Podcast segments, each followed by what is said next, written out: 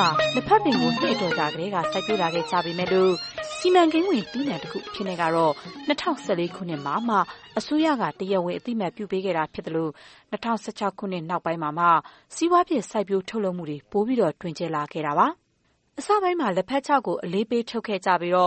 နောက်ပိုင်းမှာတော့ လက်ဖက်စိုထုတ်လုပ်မှုကိုပါ တိုးမြှင့်နိုင်ဖို့ ကြိုးစားခဲ့ကြပါတယ်။ရွာငံဒေသရဲ့ လက်ရှိ လက်ဖက်စိုက်ပျိုးထုတ်လုပ်မှု အခြေအနေကို ရွာငံလက်ဖက်အသင်းဥက္ကဋ္ဌ ဦးမောင်နုက အခုလို ရှင်းပြပါတယ်။ အခုတော့ရွာငံမြို့နယ်ရဲ့လက်ဖက်အားတွင်တွင်ကျယ်ကျယ်ဖြစ်လာတဲ့လုပ်ငန်းလို့ပြောလို့ရပါပြီ။အဓိကကျနော်တို့ဒီမှာရှိတဲ့စက်ရုံကြီးဆိုရင်ကျနော်တို့၂၀၁၆မှာစပြီးတော့ဖွင့်လှစ်ခဲ့ပါတယ်။စက်ရုံကြီးတွေစပြီးတော့တည်ထောင်နိုင်ခဲ့တယ်။စက်ရုံကိုတည်ထောင်ခဲ့တဲ့နေရာမှာတော့လက်ဖက်အခြောက်ကိုပဲစပြီးတော့တည်ထောင်တာပါ။အခုတည်နှစ်ဆိုရင်တော့ကျနော်တို့၂၀၁၉မှာကျနော်တို့လက်ဖက်အစိုကိုပါတည်ထောင်ထားတယ်။ အဲဒီလိုတည်ထောင်တဲ့နေရာမှာတော့လက်ဖက်အစိုကိုစိုက်ပျိုးသူဘက်ကအော်ဂဲနစ်ဖြစ်အောင်သွားမယ်။အော်ဂဲနစ်တော့နဂိုဖြစ်နေပြီသားပါ။သို့သော်လဲလက်မှတ်တွေရယူခြင်းမရှိသေးဘူး။ဒီနှစ်တော့လက်မှတ်တွေရယူနိုင်အောင်ကြိုးပမ်းဆောင်ရွက်နေတယ်။လက်မှတ်ရယူဖို့အတွက်ကိုနည်းပညာတွေစပြီးတော့သင်တန်းတွေပေးခဲ့တာကတော့ GIZ ကပေးတယ်။ GIZ စီမံကိန်းကအခု၂၀၁၈မှာပဲလပိုင်းမှာကုန်ဆုံးသွားတာဖြစ်တဲ့အတွက် ကျနော်တို့ဆက်ပြီးတော့ကုမ္ပဏီကြီးတွေလုပ်ငန်းရှင်ကြီးတွေနဲ့ပူးပေါင်းပြီးတော့ဆက်သွားဖို့ရည်ရွယ်နေတယ်။လက်ရှိမှာရွာငံဒေသကထွက်တဲ့လက်ဖက်စိုလက်ဖက်ခြောက်တွေကိုပြည်ပနိုင်ငံတချို့ကိုတင်ပို့နေတာရှိပေမယ့်အဓိကဈေးကွက်ကတော့ပြည်တွင်းမှာပဲရှိနေသေးတာပါ။ ဂျာမန်နည်းပညာကုမ္ပဏီ GIZ ရဲ့ အကူအညီနဲ့ လက်ဖက်စိုက်ပျိုးထုတ်လုပ်မှုတွေ ပိုပြီးနည်းစနစ်ကျလာခဲ့သလို ဓာတုဓာတ်မြေသြဇာ၊ပိုးသတ်ဆေးတွေ မသုံးဘဲ သဘာဝအတိုင်း စိုက်ပျိုးတဲ့ အော်ဂဲနစ်လက်ဖက်တွေကိုပဲ သီးသန့် ထုတ်လုပ်သွားနိုင်ဖို့ တောင်သူတွေက ဦးတည် ဆောင်ရွက်နေပါတယ်။“ကျနော်တို့ကတော့ ဖြစ်ချင်တာကတော့ အော်ဂဲနစ်ကိုပဲ အဓိက ထားချင်တယ်။လောလောဆယ်တော့ကျနော်တို့ ဒီမှာ အော်ဂဲနစ်လို့ ဖြစ်ထားတဲ့ အခင်းတွေကျတော့ လောလောဆယ်နွားချေးလည်းမကျွေးနိုင်တဲ့သဘောပါ။နွားချေးလည်းမကျွေးဘူး။သဘာဝမြေသြဇာဓာတုအနေအထားအရအဝေးကြီးရှိတဲ့သဘာဝမြေသြဇာတောင်မှသူ့အခင်းထဲကရတဲ့ပေါင်ပေါက်လောက်ပဲစားရတယ်။အဲဒီတော့သူနဂို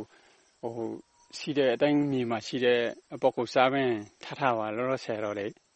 က်ရှိ ရွာငံဒေသက လက်ဖက်စိုက်ပျိုးခင်းတွေဟာ အော်ဂဲနစ် စိုက်ခင်းတွေ ဖြစ်ပေမယ့်ဒါကို နိုင်ငံတကာက အသိအမှတ်ပြုတဲ့ ထောက်ခံလက်မှတ်တွေ ရဖို့ကတော့ အချိန်ယူ ကြိုးစားနေရတယ်လို့ တောင်သူတွေက ပြောပါတယ်။“ကျနော်တို့ဒီလက်ဖက်ခင်းတွေ အကုန်လုံး လက်ဖက်စိုက်တဲ့ တောင်သူတွေ အားလုံးဟာ ဘယ် Chemical ပစ္စည်းမှ မသုံးပါဘူး။ဓာတုပေါင်းစပ်ဆေးတွေ၊ပိုးသတ်ဆေးတွေ၊ဓာတုမြေသြဇာတွေ အသုံးပြုမှု မရှိပါဘူး။ဒါပေမဲ့ ကျနော်တို့က နိုင်ငံတကာက လက်ခံနိုင်ဖို့အတွက် ဒီစိုက်ခင်းတွေ အကုန်လုံးကို အော်ဂဲနစ် Certificate ထုတ်ယူဖို့ ကြိုးစားနေပါတယ်။” လွန်ခဲ့တဲ့နှစ်ပိုင်းတွေကစလို့ ရွာငံဒေသမှာ နိုင်ငံခြားကို တင်ပို့ဖို့အထိ ရည်ရွယ်တဲ့ စီးပွားဖြစ် လက်ဖက်စိုက်ပျိုးထုတ်လုပ်မှုတွေ သိသိသာသာ တိုးလာခဲ့ပါတယ်။အရည်အသွေးစစ်မီတဲ့ အော်ဂဲနစ်လက်ဖက်တွေ ထုတ်လုပ်ဖို့ ကြိုးစားနေတာဖြစ်ပြီးရွာငံလို့ ပြောလိုက်တာနဲ့ လက်ဖက်နဲ့တွဲပြီးမြင်တဲ့အထိဖြစ်အောင် လုပ်သွားချင်တယ်လို့ တောင်သူတွေက ပြောပါတယ်။ဒီလိုကြိုးစားတဲ့နေရာမှာ နှစ်ပေါင်းရာနဲ့ချီရှိတဲ့ သက်တမ်းရင့် လက်ဖက်ပင်တွေကနေ ထူးခြားတဲ့အဆင့်မြင့်လက်ဖက်တွေ ထုတ်လုပ်သွားနိုင်ဖို့ စတင်လုပ်ဆောင်နေတယ်လို့ ရွာငံလက်ဖက်အသင်း ဥက္ကဋ္ဌ ဦးမောင်နုက ပြောပြပါတယ်။“ရွာငံလို့ ပြောလိုက်တာနဲ့ လက်ဖက်လို့ တွဲပြီးတော့သီးလာနိုင်မယ့် အနေအထားကတော့ ဒီနှစ်ပဲရောက်မှာပါ။ဘာကြောင့်လဲဆိုရင် ကျနော်တို့ကသိပ်ကြီးနှစ်ရှည် လက်ဖက်ပင်တွေ ရှိပါတယ်။အဲဒီလက်ဖက်ပင်တွေကနေ တန်ဖိုးမြင့် ထုတ်ကုန်ထုတ်ဖို့ ကျနော်တို့ ဒီနှစ်ပေါင်းစပ်ထားပါတယ်။ပေါင်းစပ်ရည်ရွယ်ပြီးတော့ ဒီနှစ်စပြီးတော့ထုတ်နိုင်မယ်ဆိုရင်တော့ ဒီနှစ် အကောင်အထည် ပေါ်လာမှာပါ။ရွာငံမြို့နယ်မှာ အဓိကအခုတွေ့ထားတဲ့အထဲမှာတော့ကျနော်တို့တောထဲမှာလည်းသူတို့သဘာဝပေါက်တဲ့လက်ဖက်ပင်တွေရှိတယ်။အဲဒီပင်တွေဆိုရင်သက်တမ်းကိုရေတွက်လို့မရသေးဘူး။ဒီမှာရှိတဲ့လက်ဖက်ပင်တွေကတော့ကျနော်ခေါ်ပြီးတော့ပြကြည့်ပါတယ်။တချို့သောပညာရှင်တွေပြောတာကတော့ဒီအပင်ရဲ့သက်တမ်းသည်ဘာပဲဖြစ်ဖြစ်နှစ်ရဲ့အထက်မှာရှိနိုင်တယ်လို့ခန့်မှန်းတာပြောဆိုတာတွေရှိတယ်။အဲဒီလိုအပင်မျိုးကတော့တမျိုးနဲ့လုံးကိုတ ရွာမှာနှစ်ပင်သုံးပင်ပေါင်းစပ်လိုက်ရင်တော့တမျိုးနဲ့လုံးကိုအပင်တစ်ရာပတ်ဝန်းကျင်လောက်ရှိမယ်လို့အဲဒီလိုသိရတယ်။အရင်ထက်စာရင်စိုက်ပျိုးနည်းစနစ်တွေပိုမိုကောင်းမွန်လာပြီးထုတ်လုပ်မှုအားတွေတက်လာပေမယ့်အရည်အသွေးကောင်းမွန်ပြီးအဆင့်မြင့်တဲ့အော်ဂဲနစ်လက်ဖက်တွေကိုနိုင်ငံတကာကယုံကြည်စိတ်ချစွာနဲ့သုံးစွဲလာတဲ့အထိလုပ်သွားဖို့မှာတော့အခက်အခဲတွေရှိနေဆဲပါ။အဓိကဘယ်လိုအခက်အခဲတွေရှိနေတာပါလဲ။အဓိကကြုံရတဲ့အခက်အခဲကကျနော်တို့အ အခုလက်ရှိသွားနေတဲ့အချိန်မှာလက်ဖက်ဆိုလက်ဖက်ချောက်ဈေးကွက်ကိုစတင်ပြီးတော့ဒီနီးပညာပေးခဲ့တဲ့တန်ဖိုးမြင့်ထုတ်ကုန်ကိုပြောင်းလဲပေးခဲ့တဲ့ GS ကသူတို့ဂျာမနီနိုင်ငံနေတော့သူတို့ဆက်ဆက်ပေးထားတယ်ဒါဒီကျွန်တော်တို့ဒီအချောက်ဈေးကွက်ပေါ့နော်အခုလက်ရှိရွာငံမျိုးနဲ့အနေနဲ့ပြောရင်တော့ကျွန်တော်ဖက်ကဒီထုတ်လုပ်တဲ့လက်ဖက်ချောက်လေးကတော့ရန်ကုန်မြို့မှာရှိတဲ့ဂျာမနီကလာဖွင့်ထားတဲ့လှတဲ့ဆိုတဲ့ဆိုင်လေးကနေပြီးတော့သူတို့ဈေးကွက်တစ်ခုကိုအာစတင်ပြီးတော့ ထိုးဖောက်ပြီးရောင်းချပေးနေတယ်အဲ့ဒီပြီးတော့ကျွန်တော်တို့သွားရမယ်နီလန်းတွေကနိုင်ငံစားရောက်အောင်သွားမယ်နိုင်ငံတကာရောက်အောင်ထွက်မယ်ဆိုရင်တော့အစိမ့်နေအများများကြော်ဖျားအမှဖြစ်တဲ့အတွက်အများကြီးအခက်အခဲတွေရှိပါသေးတယ်အဲ့ဒီခက်ခဲတွေမှာအဓိကပြောရမယ်ဆိုရင်တော့နံပါတ်1ကျွန်တော်တို့ဖြတ်တန်းတဲ့နေရာမှာမြန်မာနိုင်ငံရဲ့ဒီစားတော့ကုံကိုအဓိကထောက်ခံပေးတဲ့အဲစားသုံးသူဥပဒေနဲ့ညီညွတ်မှုရရှိတဲ့ FDA လက်မှတ်တွေကျွန်တော်တို့လွယ်လင်းတကူရနိုင်ဖို့အတွက်ပူပေါင်းဆောင်မှုအားတွေနည်းနေသေးတယ်။ပံ့ပိုးမှုအားတွေနည်းနေသေးတယ်ဒါတွေကိုလိုအပ်ပါတယ်။နောက်ပြီးတော့ဒီနိုင်ငံတကာကလက်ခံဖို့ဆိုရင်တော့သူကကျွန်တော်တို့ organic ကျက်တဲ့လောက်ဖြစ်ပါစေ။ထောက်ကုံတစ်ခုကိုကျွန်တော်တို့ပိုးတတ်တဲ့အခိုင်းတွေစိတ် ý တွေတစ်ခုကိုဖြတ်ပြီးမှသွားမှသာလျှင်နိုင်ငံတကာလက်ခံမှာဖြစ်ပါတယ်။ဒါကြောင့်ကျွန်တော်တို့ကနိုင်ငံတကာသွားနိုင်ဖို့ဆိုရင်တော့ အစိုးရအနေရော ကျွန်တော်တို့ စိုက်ပျိုးရေးဖိအားပဲကြည့်ကြည့်ဒီပိုးကုံတွင်းကုံဖိအားပဲကြည့်ကြည့် ဒါတွေဟာအရင်ကျွန်တော်တို့ ပူပေါင်းဖို့ ဆောင်ရွက်ဖို့ အားပေးကူညီဖို့ အများကြီး လိုအားအောင်မယ်လို့ ထင်နေကြ။ရွာငံဒေသက လက်ဖက်ဆို လက်ဖက်6တွေကို နိုင်ငံတကာဈေးကွက်ထဲ တွင်တွင်ကျဲကျဲထိုးဖောက်နိုင်ဖို့ဆိုရင်ဤပညာနဲ့ဆရန်ရအကူအညီတွေ လမ်းပန်းဆက်သွယ်ရေးနဲ့ အခြေခံအဆောက်အုံပိုင်းဆိုင်ရာ လိုအပ်ချက်တွေအခုထက်ပိုပြီးတော့အများကြီး တိုးတက်ကောင်းမွန်လာဖို့ လိုအပ်နေတာပါ။ အစိုးရရဲ့ ပံ့ပိုးမှုနဲ့ ပူးပေါင်းဆောင်ရွက်မှုတွေ အများကြီး လိုအပ်နေသေးတယ်လို့ လက်ဖက်စိုက်တောင်သူ ကိုဇော်လင်းထွန်းက ပြောပါတယ်။ကျနော်တို့က စိုက်ပျိုးရေးဌာနတွေ ရှိပါတယ်။နိုင်ငံပိုင်ဌာနပေါ့နော်။အစိုးရဌာနက အဓိက ပံ့ပိုးဖို့လိုပါတယ်။ဒီအပိုင်းက။နံပါတ်တစ်အချက်က ပင်တွေပြုပြင်တဲ့ သင်တန်းတွေပေးဖို့လိုတယ်။နောက်ပြီးတော့ဒီလက်ဖက်ခင်းတခင်း လက်ဖက်အညွှန်းကောင်းကောင်းထွက်လာဖို့ဆိုတာ တောင်သူတွေရဲ့ မိရိုးဖလာနည်းစနစ်နဲ့ မရပါဘူး။ဒီခင်းကို ဘယ်လိုပြုပြင်ရမယ်။ကိုင်းတွေကို ဘယ်လိုပြင်ရမယ်။နောက်တခု ဒီမှာ Net Organic ဖြစ်တဲ့မြေဆီတွေဘယ်လိုကျွေးရမလဲ။စနစ်တကျဖြစ်အောင်ကျွေးမယ်ဆိုရင်တော့လက်ဖက်ကောင်းတဲ့ဒီထက်ကောင်းတဲ့လက်ဖက်တွေလည်းရလာမှာမို့တောင်သူတွေရဲ့ဘဝကလည်းလက်ဖက်ကိုမှီခိုနေတဲ့တောင်သူဘဝကလည်းဒီထက်ပိုပြီးတော့ဖွံ့ဖြိုးတိုးတက်လာမယ်လို့ကျနော်